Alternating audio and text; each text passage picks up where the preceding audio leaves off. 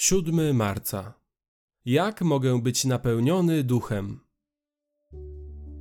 Cokolwiek bowiem przedtem napisano, dla naszego pouczenia napisano, abyśmy przez cierpliwość i przez pociechę z pism nadzieję mieli. Rzymian 15, werset 4. Jak możemy być napełnieni Duchem Świętym? Jak możemy doświadczyć wylania na nasz Kościół i na nas Ducha Świętego, który napełni nas nieposkromioną radością i uwolni nas, wzmocni nas, by kochać wszystkich dookoła w sposób tak autentyczny, że zostaną pozyskani dla Chrystusa? Odpowiedź. Rozmyślaj dniem i nocą nad niezrównanymi, dającymi nadzieję obietnicami Boga.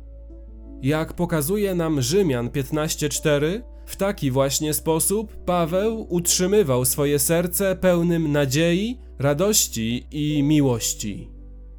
Cokolwiek bowiem przedtem napisano, dla naszego pouczenia napisano, abyśmy przez cierpliwość i przez pociechę z pism nadzieję mieli. Pełne przekonanie o nadziei pochodzi z rozmyślania nad obietnicami Bożego Słowa. I to nie zaprzecza zdaniu, dziewięć wersetów później, które mówi, że Duch Święty daje nam nadzieję. Rzymian 15:13. Jest tak dlatego, że Duch Święty jest Bożym autorem pisma. Jego słowo jest środkiem, w jaki działa.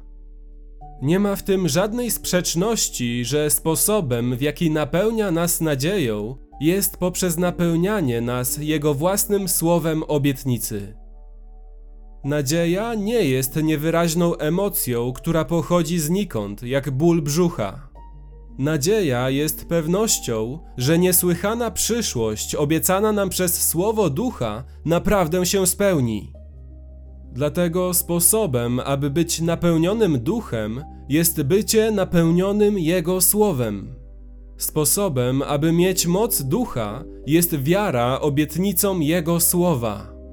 Ponieważ to słowo obietnicy jest tym, co napełnia nas nadzieją, a nadzieja napełnia nas radością, a radość przelewa się mocą i wolnością, by kochać naszego bliźniego. I to jest pełnią Ducha Świętego.